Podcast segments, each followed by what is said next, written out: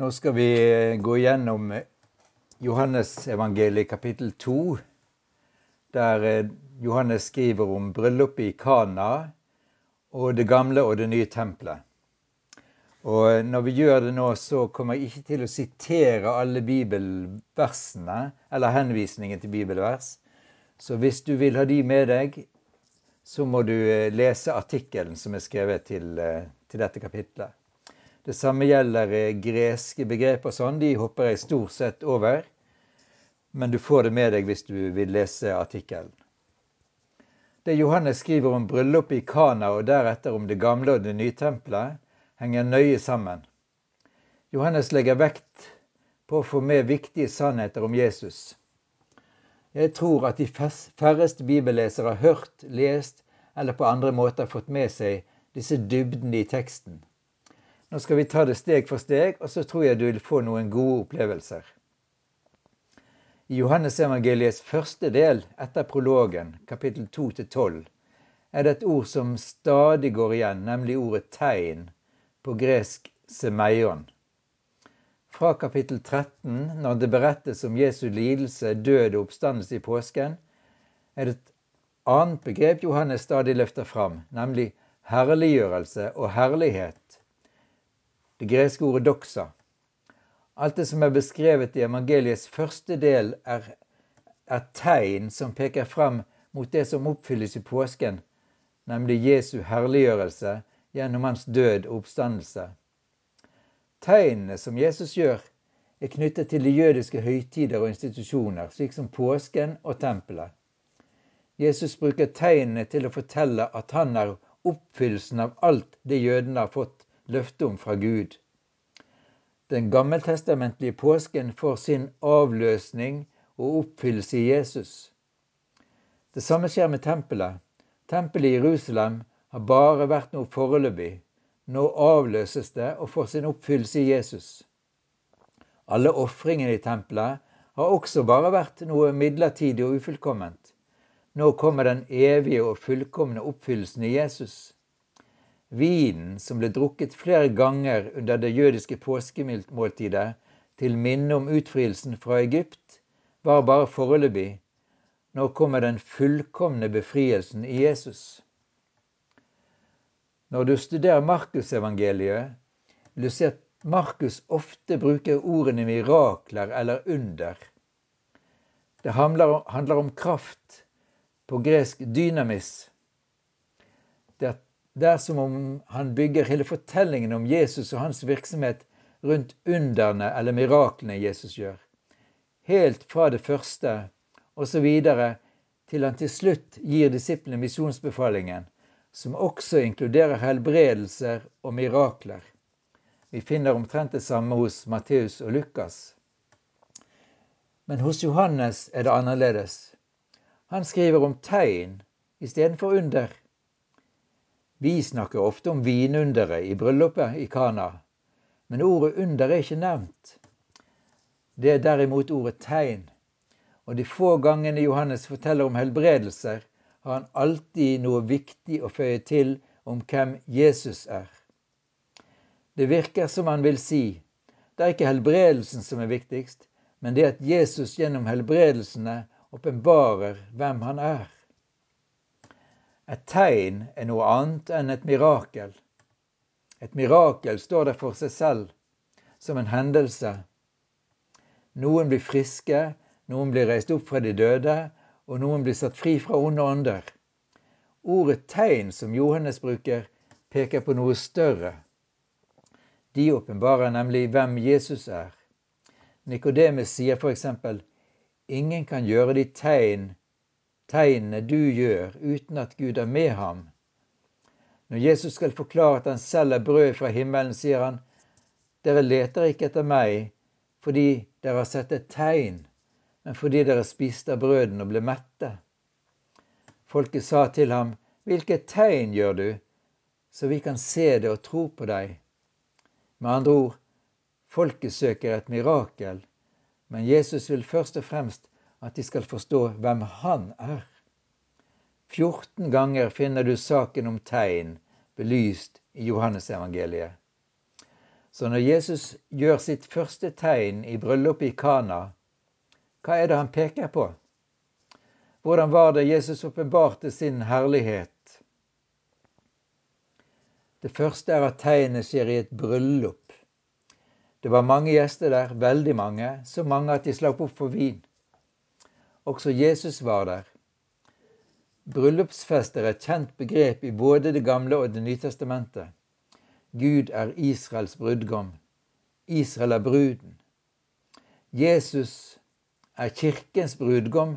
Kirken er bruden, slik det fortelles i Det nye testamentet. Vi burde forresten ikke omtale Kirken som et hannkjøsord. På både gresk, latin, spansk, tysk, nynorsk osv. er kirke et hunnkjønnsord. På gresk he eklesia. Johannes døperen sier at Jesus er brudgommen. I åpenbaringsboken er den store og evige bryllupsfesten beskrevet, der brudgommen Jesus og bruden kirken får hverandre. At Jesu første tegn skjer i et bryllup, er neppe tilfeldig. Jødene ventet jo at den store bryllupsfesten skulle innledes med Messias sitt komme. Den eschatologiske bryllupsfesten som Jesus taler om, og som er beskrevet i åpenbaringsboken, kommer til å samle mye folk, så mye at ingen kan telle dem, og den vil vare for evig. Vin hørte med i et bryllup i Israel. Vintreets frukt var Guds største velsignelse. En drueklase er ofte brukt som symbol på Guds velsignelse, f.eks. i forbindelse med påsken. Guds løfte til Israel var at de skulle få komme inn i et land fullt av vintreets frukt, i tillegg til melk og honning. Det var veldig mye med vinen som blir et tegn. Det første er at det skal være rikelig med vin i et bryllup. Alle skal få drikke så mye de vil. Men i dette bryllupet i Kana er det så mange gjester at vin tar slutt. Det er da Jesus gjør et under som altså er et tegn. Han skaper ny vin. Hva er det et tegn på? Når Johannes i det følgende skriver at det gamle tempelet i Jerusalem skal erstattes med Jesus selv, slik vi leser i kapittel 4 fra vers 20 og utover. Der forstår vi at Jesus gir et tegn som forkynner at den gamle vinen er den gamle pakt og at den nye vinen er den nye pakt. Kjøkkenmesteren sier til brudgommen, alle andre setter først fram den gode vinen, men du har spart den gode vinen til nå. Den gamle vinpakten var god, den også, og folk kunne drikke så mye de ville av den. Men den tar en gang slutt, og den nye pakt er så mye bedre at det er ingen grunn til å lengte tilbake til den gamle. Det andre er at den nye vinen ble skapt av vann. Ved alle fester skulle det være seks vannkar av stein som folk kunne vaske seg i. Det vil si bli renset før en kunne gå inn til festen og ta del i måltidet. I dette tilfellet bryllupsmåltidet og bryllupsfesten. Nå var karene tomme, og Jesus bød at de på nytt skulle fylles med vann. Men da skjedde det noe som Markus sikkert ville ha omtalt som et under. Men det var faktisk noe mer enn et under, et mirakel, nemlig et tegn. Vann renser nemlig fra ytre urenhet. Men vinen har en farge som minner om blodets farge. Tegnet peker tilbake på blodet som ble strøket på dørkammene til israelittene i Egypt. Blodet som reddet dem fra dødsengelen.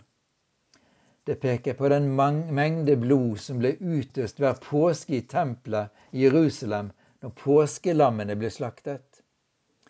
Det peker på blodet av okser og værer på den store forsoningsdagen Jom Kippur, som er omtalt i 3. Mosebok 16. Det peker på påskemåltidet jødene feiret, og det påskemåltidet Jesus kaller den nye pakt i mitt blod, til utøselse for alle deres synder. Og det peker fram mot det påskelammet som skulle slaktes en påske i nær framtid. Jesu blod renser for all synd, skriver Johannes i sitt første brev. Og Hebreerbrevet forteller om det samme. Det er en mengde blod, og det renser for all synd, liksom det ble overflod av en fullkommen vin. Det går en linje fra vintegnet i bryllupet i Kana til nattverden. Og fra nattverden går det en linje til den store og fullkomne banketten i evigheten.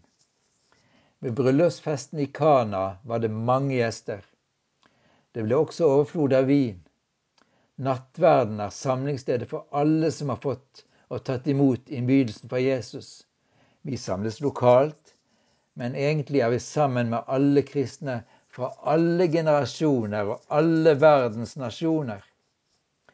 Det overflod av vin, Jesu blod, til oss alle. Når vi så en gang skal samles til den store banketten, den store bryllupsfesten, er det så mange gjester at ingen kan telle dem. Den banketten tar aldri slutt, og det blir aldri slutt på vin. Det er den samme tanken vi møter i det neste avsnittet i Johannes 2. Teologen Johannes vet hvordan han bygger opp evangeliet. Det var like før jødenes påskefest, skriver han, og Jesus dro opp til Jerusalem. Johannes tar oss, opp, tar oss med opp fra den lille og betydelige byen Kana nord i Galilea til hovedstaden Jerusalem i Judea. Den geografiske avstanden er stor, og den religiøse forskjellen er betydelig. Men Jesu nærvær knytter de to stedene sammen. På gresk er det to ord for tempelet. Det ene, heron, beskriver hele tempelområdet, inkludert tempelets foregård, der også ikke-jøder kunne komme. Det andre, naon, beskriver selve, selve tempelbygget og det aller helligste, der bare prestene kunne gå inn og foreta de foreskrevne ofringene til soning for folkets synder. Det er tempelbygget med det indre tempelet Jesus omtaler når han sier 'riv ned dette tempelet, og jeg skal reise det på tre dager'. Johannes forklarer det tempelet han talte om, var hans egen kropp. Han talte, altså om den gamle pakts tid var forbi, og at det skulle komme en ny pakt gjennom han selv. Han talte om at tiden for tempelbygget, det som var bygget av stein i Jerusalem, var forbi og at han selv var det nye tempelet. Han talte om at det rommet der det fant sted en mengde ofringer, den tiden var forbi, for nå kom han som er det ene fullkomne offerlam. Det tempelet han talte om, var hans egen kropp. Det var et tegn. Da han var stått opp fra de døde, husket disiplene at han hadde sagt dette, og de trodde Skriften og det Jesus hadde sagt.